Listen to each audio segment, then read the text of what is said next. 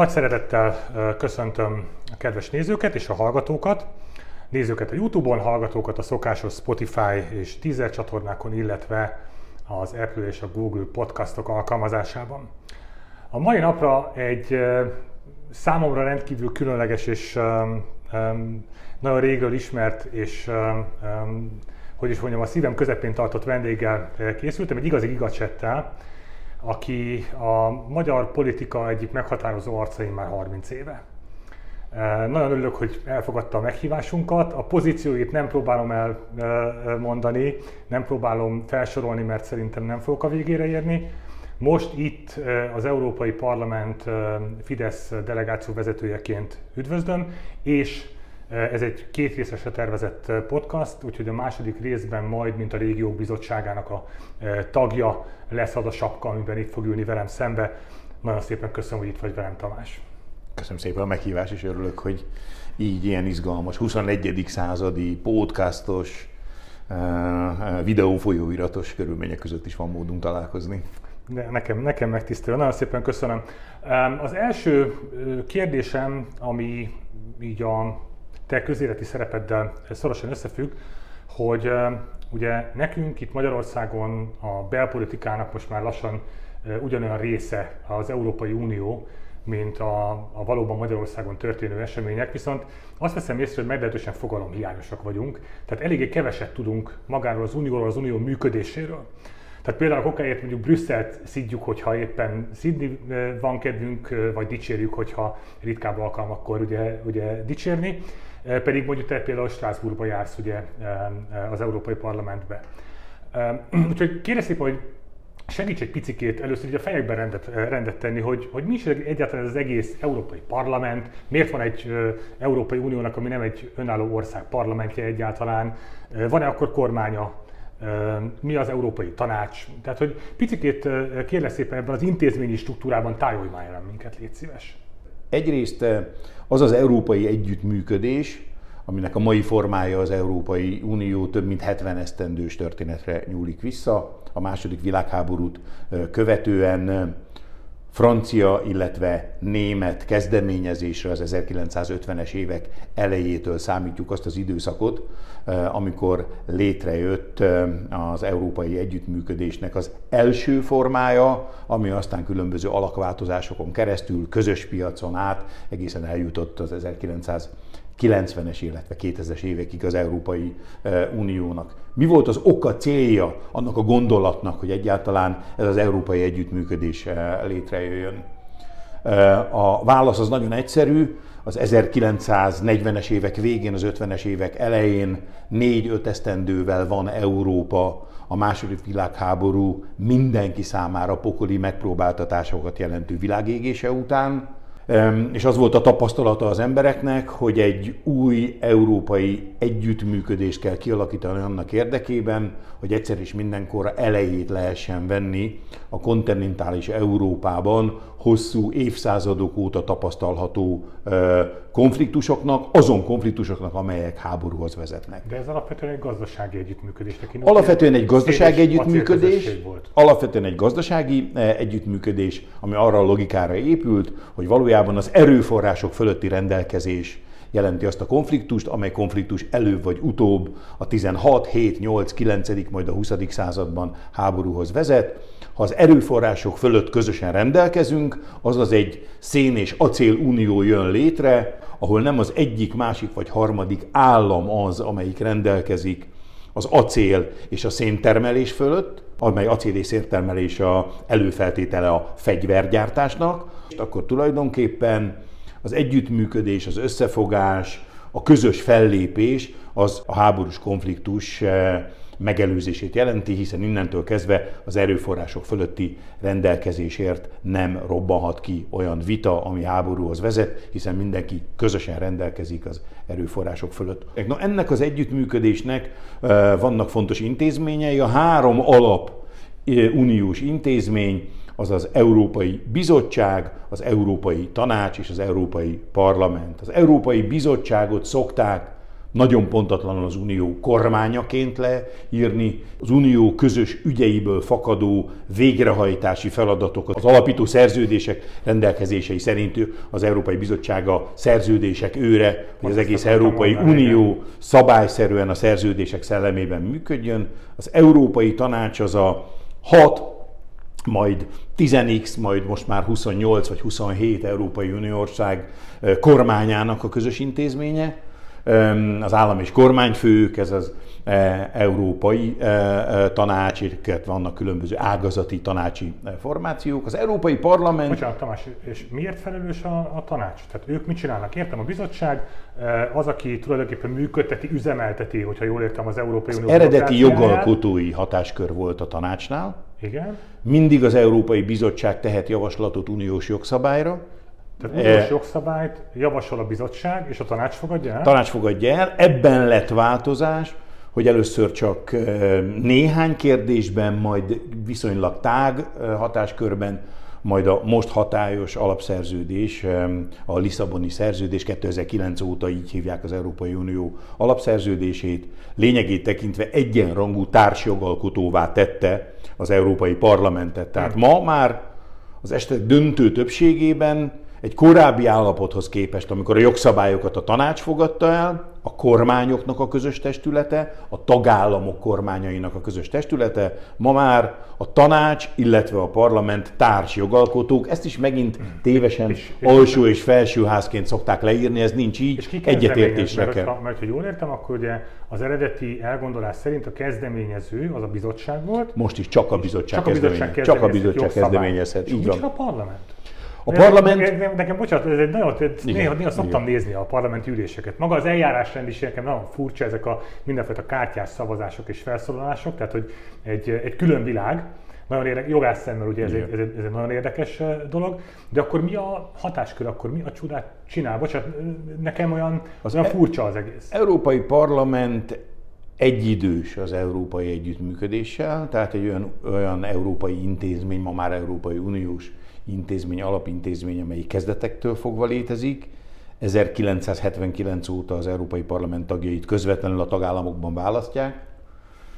Ez vet föl kérdéseket. Az Európai Parlamentnek, és főleg a közvetlenül választott Európai Parlamentnek az, a, az az identitása, az az Európai Parlament ilyen formában történő létezése mögött meghúzódó szándék, jó szándékú elképzelés a megvalósulása az borzalmas, hogy legyen egyfajta demokratikus legitimációja az Európai Uniónak, hiszen a bizottságot nem a polgárok közvetlenül választják, eh, a tanácsot sem közvetlenül választják ebben a minőségükben, még ha mindegyik tagállamban eh, a kormányokat az általuk közvetlenül megválasztott parlamentek választják meg.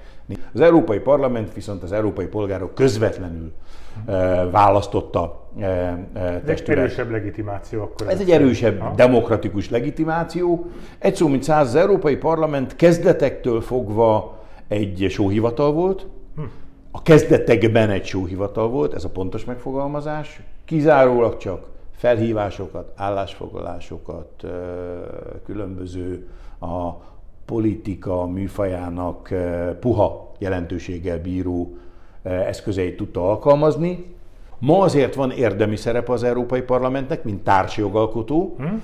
Mondom, a főszabály Európai Bizottság javaslatot tesz, és a jogszabály szövegébe a tanácsnak és a parlamentnek, a parlamentnek és a tanácsnak egyetértésre kell jutni. Közösen társjogalkotóként fogadják el az uniós jogszabályokat, amelyek felhat... Másik nélkül, bocsánat, kérek, a másik nélkül egyik sem tud? Pontosan. Ah. Az, az utolsó bötőig, kifejezésig, a legutolsó cikk, szakasz, legutolsó fordulatáig a uniós jogszabály szövegébe az Európai Parlamentnek és az Európai Tanácsnak, az Európai Tanácsnak és az Európai Parlamentnek meg kell állapodnia. Egy nagyon bonyolult jogalkotási folyamat a részleteiben most hadd nem menjek be. A legfontosabb az, hogy a bizottság eredeti javaslata kapcsán először a tanács, majd a parlament kialakítja maga álláspontját. A kialakított álláspontokról foly, folyik tárgyalás, a bizottság koordinálásával ezeket hívják háromoldalú tárgyalásoknak, ahol aztán, még egyszer mondom, a jogszabály szövegét illetően teljes egyetértésre kell jutni, Bocsánat, és ezt a szöveget hogy még jóvá kell hagyni aztán a végső szöveget a tanácsnak is, meg a parlamentnek is. kezdeményez továbbra is, tehát, tehát nincsen jogszabály kezdeményezési joga a parlamentnek, a bizottság kezdeményez, a parlament csak megtárgyalja. Ugye? Meg a tanács is. Meg, világos, de hogy csak kezdeményezés a, csak a, csak a bizottság. Csak a bizottságnak. Ez a, ez a kulcsfontosság. A bizottságban én ugye úgy látom, hogy ott minden állam, minden részes tagállamnak van valamilyen biztosa, aki valamely, valamely területért Ez felelős, mindig is így volt. És ezek a biztosok önállóan kezdeményeznek, vagy, vagy itt is ilyen bizottságokra... A kollégium maga, a testület. A testület. A testület De, maga. Mit tudom, Tamás, te például mondjuk egy, egy ö, ö, bizottsági tag vagy, Igen. és ö, a te területed mondjuk a sport, az Igen. nem áll tőled különösebben távol, és a sport területén te kezdeményezni akarsz egy az egész Európai Unióra érvényes jogszabályt, hogyha jól értem, hogy akkor ez így működik. Akkor te, mint, te, mint bizottsági tag ezt megteszed, és a tanács megtárgyal, vagy a bizottság megtárgyalja, és utána közös álláspontként lesz ebből jogszabály kezdeményezés? Tehát hogy, megy, hogy megy ennek a folyamata? Az Európai Bizottság testületként jár el. Hm? Ugye ma 27 tagja van, az Európai Bizottság elnöke, az Európai Bizottság elnökét a parlament választja, ez is egy nagyon fontos jogkör. Az Európai Unió külügyi főmegbízottja, ő is egy biztos, és további 25 E, Európai Bizottsági tag, és ez a testület így testületként kezdeményez mindig jogszabály. Csak a testületen belül hogy jön létre a kezdeményezés? Tehát a gondolom, testületen hogy... belül alapvetően a e, bizottság vezetője, hmm. illetve a bizottsági alelnökök azok, akik a, a legmeghatározóbb e, hatáskörrel bírnak. Nyilvánvalóan transzparens belső működési rendje van a, a bizottságnak, de azért e, e, politikai szándékok, a politikai súly, a politikai erő Jó, az, most tényleg az a, a gyakorlata volt, volt nekem a kérdés, hogy te egy sporttárgyú... Bocsánat, az egy fontos dolog, és elnézést kérek, hogy a szabadba vágok, hogy az Európai Bizottság kizárólag olyan témában tehet jogszabály megalkotására javaslatot, ami uniós hatáskör. Ezt Na és itt már eljutottunk egy van, izgalmas témáig, hogy mi van. is az uniós hatáskör, mi az, ami tagállami hatáskör. Először azt kell vizsgálnia. Igen, először azt kell vizsgálni a különböző jogi szolgálatoknak, a tanács is, a parlament is azt vizsgálja, hogy lehet-e uniós jogszabályt alkotni abban a témában, vagy sem. De egy szó mint száz, ez a jogalkotásnak a folyamata, tehát bizottság, e, a mindennapi ügyvitelért felelős, a szerződések őre, hogy az uniós intézmények, a tagállamok is betartsák az unió alapszerződését, a tanács az eredeti jogalkotó, ma már társjogalkotó, a parlament pedig a demokratikus legitimáció az unió polgárai az uniós országok állampolgárai által közvetlenül választott uniós intézmény, ma már társjogalkotó. Ennek a három intézménynek az egymáshoz fűződő viszonya, sokszor intézményi rivalizálása is, ami jellemzi az Európai Unió eh, működését. Oké. Okay. Eh, föltetted a kérdést, eh, ugye, hogy milyen hatáskörök vannak, mik azok, amik nemzeti hatáskörök, hogyha jól értem, és mik azok, amik uniósak. Ez egyébként világos mindenki számára, mert hogyha Ugye nyilvánvalóan ugye engem elsősorban a magyar belpolitikai hírek érnek el, nyilván olvasok külföldi sajtót is, de ha jól látom, nagyon sokszor olyan jellegű vitánk van már a magyar kormánynak az Európai Unió különböző intézményeivel, amelyek ilyen hatásköri túlterjeszkedésből származnak. Tehát például olyan területeken szeretne az Unió kötelező megállapításokat tenni, vagy, vagy adott esetben akár jogszabályt kötelező erővel megfogalmazni Magyarország számára, amelyekre a magyar kormány azt mondja, hogy bocsánat, de ez nemzeti hatáskör. Tehát, hogy egyébként ebben tisztában vannak, hogy, hogy milyen, milyen területre lépnek be, és szándékosan teszik, vagy csak a jó szándék vezeti őket, és, és, és próbálnak valami egységes európai fellépést kialakítani. Az Európai Unió egy olyan jogi konstrukció mentén létrejövő és működő együttműködés, az egységes Európának, az Európai Együttműködésnek egy olyan intézménye, ahol a részes tagállamok, jelenleg 27 Európai Uniós ország, nem lemond bizonyos jogköreire, jogköreiről is odaadja Brüsszelnek, hanem, hanem azt mondta először hat ország, ma azt mondja 27 ország, hogy vannak olyan elidegeníthetetlen, szuverén tagállami hatáskörök, amely tagállami hatásköröket a 27 ország az Európai Uniós intézményekkel közösen gyakorolja. Ez önmagában az unióról való gondolkodás lényegét mutatja meg. Uh-huh. Teljes félreértés.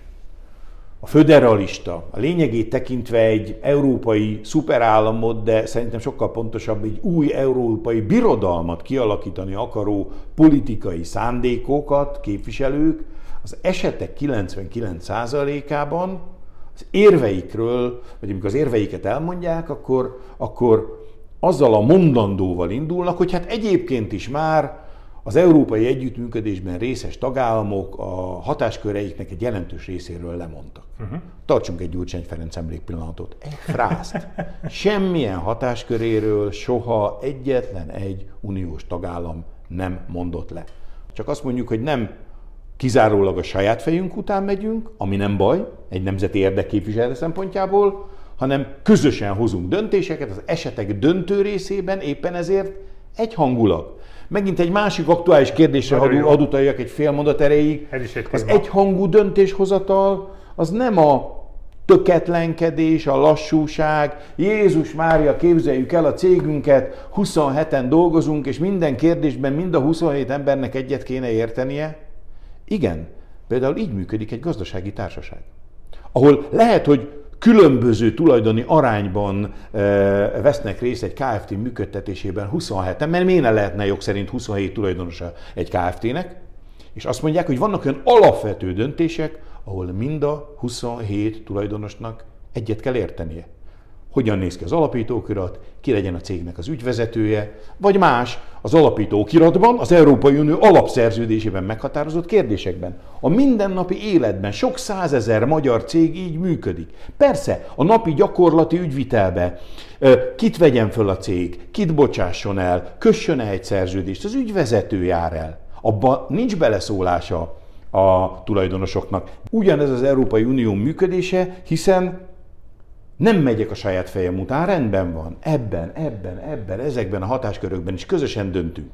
Na de megvannak a saját magunk szempontjai, érdekei, ezeknek az érvényesítése véget. A közös bölcsesség, a közös döntés, az ne figyelmen kívül hagyja, ne annulálja a spanyol, a holland, a magyar, a lett vagy a francia érdeket, az is része legyen a közös döntésnek, mindenki egyetértésére van szükség. Ez a legfontosabb kérdésekben továbbra is így van, és nagyon helyes, hogyha ez meg is marad, mert ha nem így lenne, akkor minden lényeges uniós döntést, a szuverenitásunk, az állami nemzeti szuverenitásunk, az alkotmányos szuverenitásunk hatáskörébe tartozó kérdéseket úgy gyakorolnánk közösen, hogy a közös döntéshozatalban valójában nem lenne beleszólásunk, hogy ha és amennyiben ezek a ezek az alapvető szempontok, ezek továbbra is érvényesülnének, egy nagyon kiegyensúlyozott működés is elképzelhető lenne. Ami zajlik, és ez elég régóta zajlik, talán az elmúlt egy évtized ennek a felerősödését jelenti,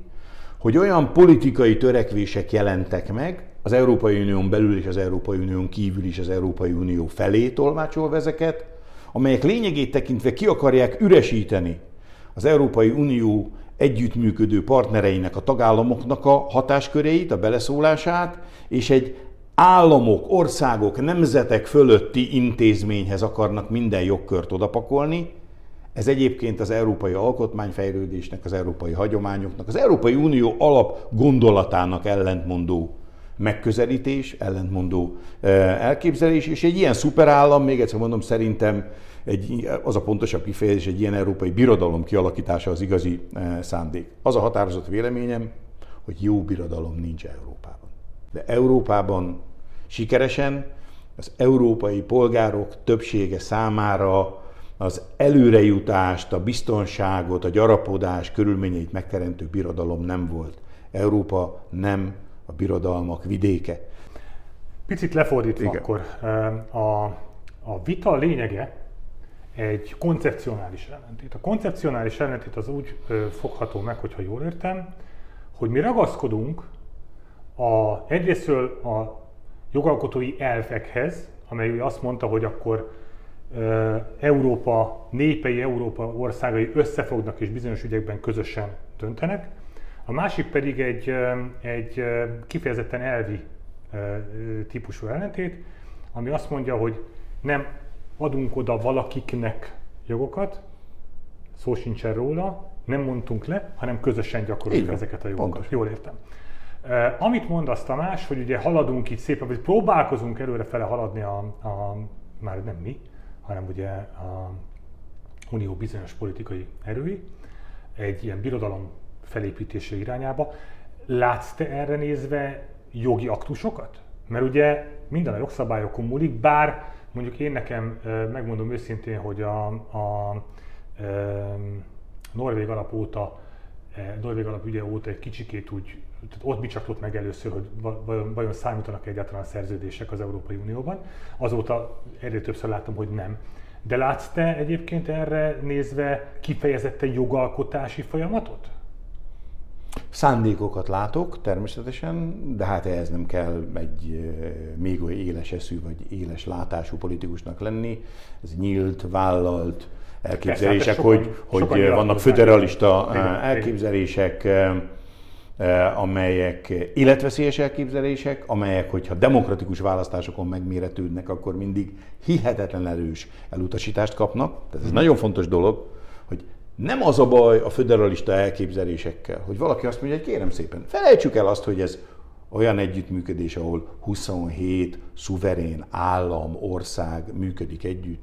Ez a 27 ország, ezek legyenek helytartóságok, és legyen egy szuperállam, nevezzük Európai Egyesült Államoknak, és ennek a kialakításáról az itt élő emberek szabad akaratukból döntsenek. Nem ezt az utat járják, hanem mivel tudják jól, hogy ez az elképzelés egyetlen egy Európai Uniós országban nem, hogy többséget nem kapna, hanem hogyha világosan, egyértelműen teszik fel a kérdést, minden ilyen föderalista elképzelés a polgárok akaratnyilvánításakor a lehető legnagyobb mértékben elutasított elképzelés, hanem itt jön az, hogy, hogy, hogy, hogy búvópatakszerűen, áttételesen, egyre inkább a demokratikus döntéshozatal fórumait kikerülve az Európai Unió működését úgy átalakítani, amely működés már kvázi egy ilyen szuperállam, már kvázi egy ilyen európai birodalom Tamás, létrehozását ilyen egy, jelenti. Egy közös vakcina beszerzés például? Tehát, ö, ö... Ilyen például az, amikor azt mondják, hogy az Európai Unió alapszerződését ne a klasszikus módosítási eljárásban mindegyik ország egyetértésével, ah. utána mindegyik országban egy-kettőt kivéve, ahol nincs ez a kötelezettség népszavazáson megerősítve módosítsuk, ami egyébként leszűkítené a teljes körű, a százszázalékos egyetértést igénylő kérdéseknek a körét, hanem az alapszerződésnek egy kivételes szerződésmódosítási lehetőségét alkalmazzuk, amikor teljes egyetértés hiányában is, rendkívüli helyzetben átmenetileg módosítani lehetne az alapszerződést, és így csökkentsük le a teljes egyetértést igénylő kérdéseknek a körét, és az úgynevezett minősített többséges szavazást az minél több ügyben vezessük be, főleg az Európai Unió kül- és biztonságpolitikai álláspontjának a kialakítását szolgáló kérdésekben. Akkor... Hangzik most ez, egy, ez a, ez a elképzelés. Ha valaki azt gondolja, hogy ez a jó megoldás, akkor mondja azt, hogy kérem, ez a jó megoldás, üljön össze egy konvent, ez az a testület, ami az unió alapszerződésének a módosítására hivatott, a konventben szülessen megállapodás, ezután a teljes egyetértéssel fogadják el az Európai Unió országai, majd néhány országot leszámítva mindegyik országban erősíthessék meg a polgárok ezt a radikális változást, egy új európai birodalom kialakítása irányába tett radikális változást jelentő alapszerződés módosítás népszavazáson.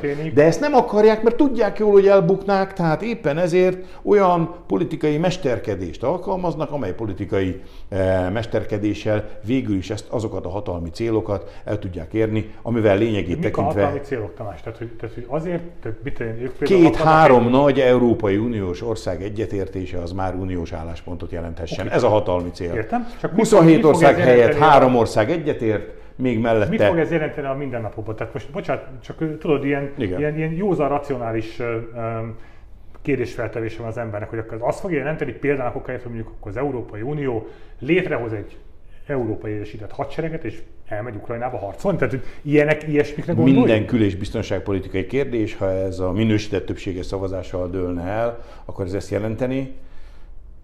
De megint fordítsuk meg a, a, a, a gondolkodásunkat, hmm. vagy a, a gondolkodásunknak az irányát. miért rendelkezik ma úgy az Európai Unió alapszerződése, hogy van közös kül- és biztonságpolitikai jogköre az Európai Uniónak. Ez nem volt mindig így. Uh-huh. A Lisszaboni szerződés hozta ezt létre. Tehát arról volt szó, hogy, hogy igen, felismerték az Európai Uniós országok, hogy igen, a külpolitikában és a biztonságpolitikában is lehetnek olyan kérdések, ahol a hatásköröket érdemes közösen gyakorolni 28-aknak, hm. 27-eknek, az uniós intézményekkel együtt, uh-huh. és közös álláspontot kialakítani. De ez, mert olyan súlyú kérdésről van szó, mindenki egyetértésére van szükség. Ez már önmagában egy újdonság. De nem véletlen, hogy ezt a döntéshozatali formát határozza meg a Lisszaboni szerződés, hiszen ha nem ez lenne, akkor ez azt jelenteni, hogy az Európai Uniós tagság néhány Európai Uniós országot leszámítva mindegyik közepes és kisméretű Európai Uniós ország külpolitikáját zárójelbe tenni. Nincs onnantól kezdve önálló külpolitika, hiszen ha minősített többséggel uniós álláspontot ki lehet alakítani, amibe ö, darabszámra is, bocsánat a kifejezésért, lényegét tekintve az Európai Uniós országok 20-30-40 százaléka, most megint azt tudom mondani, hogy a, a minősített többséges döntéshozatal az kell az Európai Uniós tagországoknak is egy bizonyos létszáma, illetve az általuk képviselt népességnek is el kell érnie az Európai Unió össz lélekszámának egy bizonyos százalékát. Tehát a, a kisebbségben lévők, nek a, a, az önálló, az állami létezés alapját jelentő nemzetközi kapcsolatteremtésben és kapcsolatalakításban minden önállósága megszűnne. Lényegét tekintve az állami önállóság egyik legfontosabb intézményét akarná megszüntetni ez a, ez a változtatás, nem a hatékonyság, meg még egyszer mondom, nem a gyorsaság kérdése merül föl, hatalmi szempontok, ne kelljen a nagyoknak a közepes és kisebb méretű uniós tagországokkal egyeztetniük. De én erre meg azt mondom, hogy dehogy nem. Magyarán szóval akkor ebben, most bocsánat, ez logikusnak tűnik ez a következtetés, eh, ebben a küzdelemben, ebben, bár itthonról egyébként nagyon sokszor úgy látszik, hogy egyedül vagyunk, akkor ebben nem vagyunk egyedül, mert valószínűleg akkor a kisebb tagállamok azok ebben minket támogatnak. Nem a diplomácia azon iskolájának a képviselői vagyunk, akik a mosolydiplomát tartják helyesnek, akik ha találkozunk egymással, azt mondjuk, hogy igen, Körösi úr, az ön elgondolása az egy nagyon értékes elgondolás, majd amikor a háttéregyeztetésekre kerül sor, az érdemi szakmai egyeztetés, azt mondjuk, hát Körösinek az elkezdés, ez egy olyan baromság, hogy csak na, hanem azt mondjuk, hogy kérem szépen, ez a javaslat, ezt mind sajnos nem tudjuk támogatni. Mások ezzel szemben ugyanazt a e, álláspontot egy sokkal puhább, sokkal inkább a konfliktus kerülő módon e, képviselik.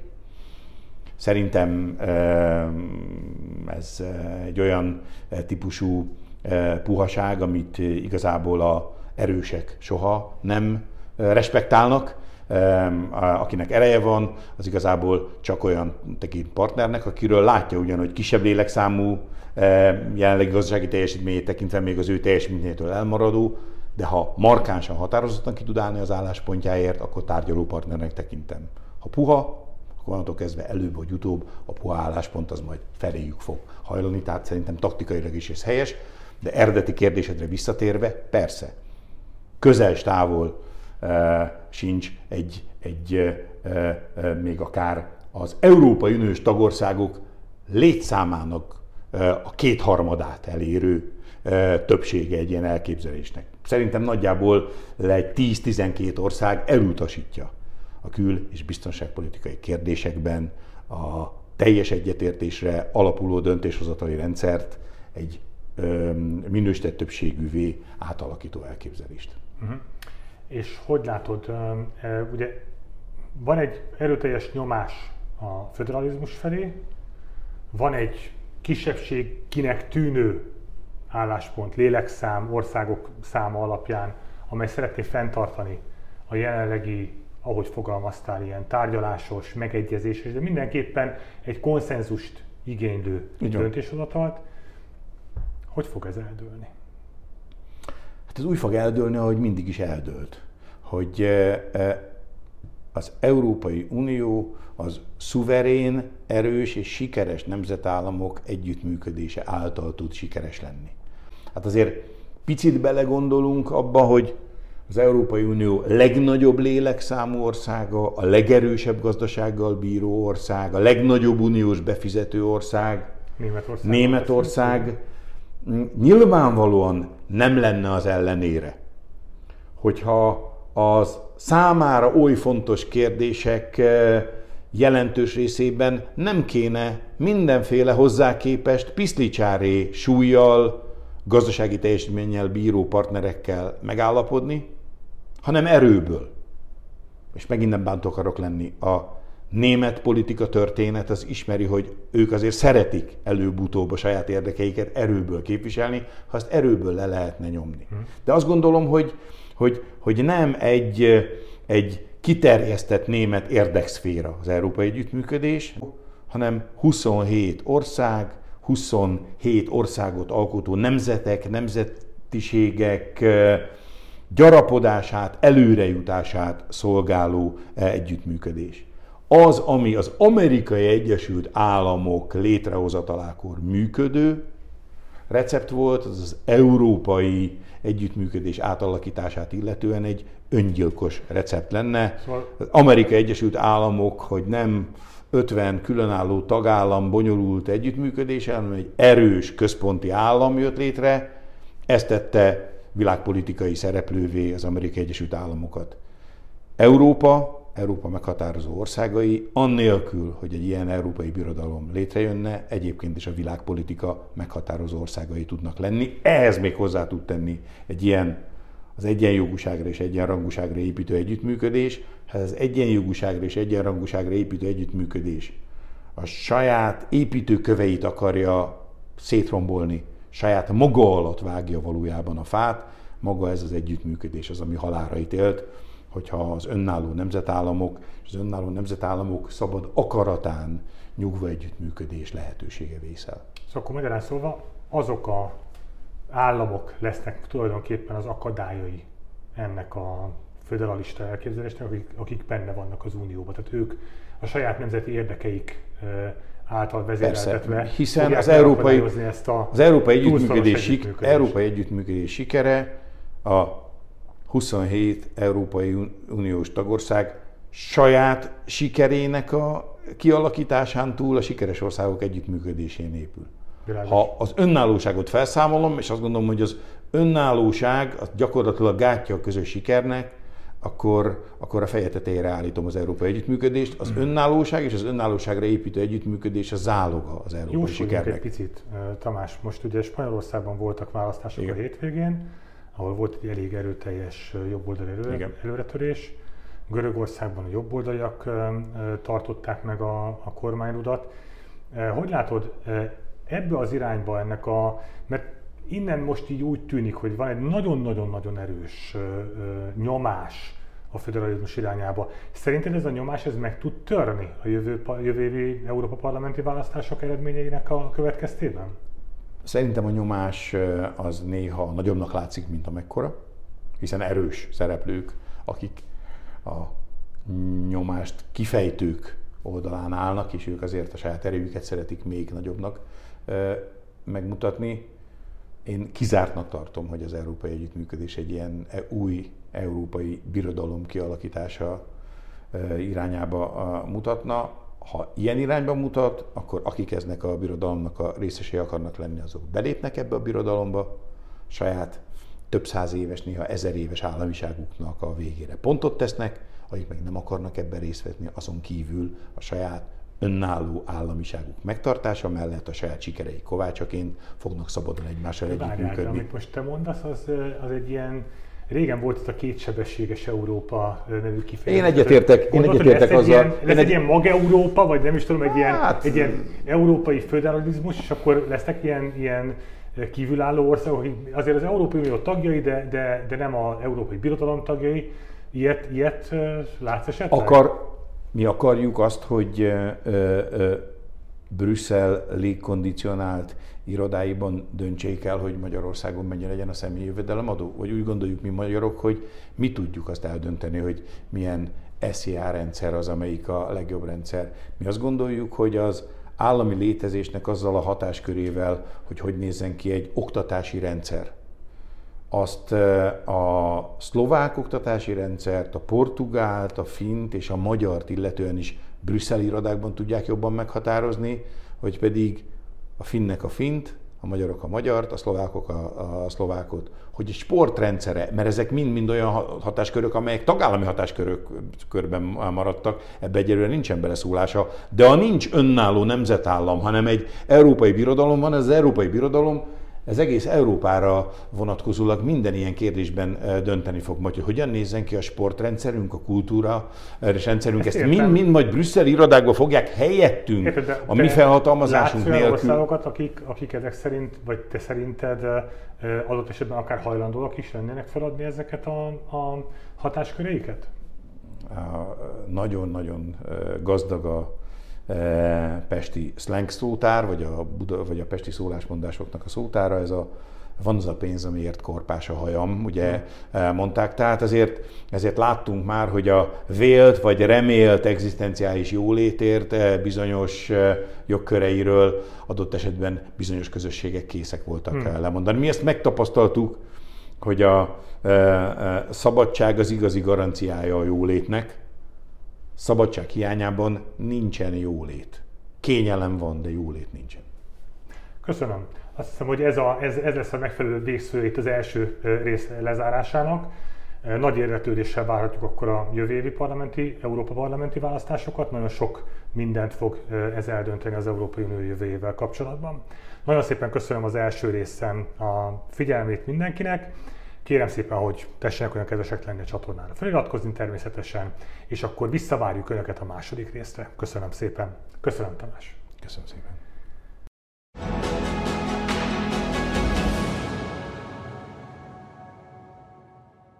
Műsorunkat támogatta a Hungaro Consulting.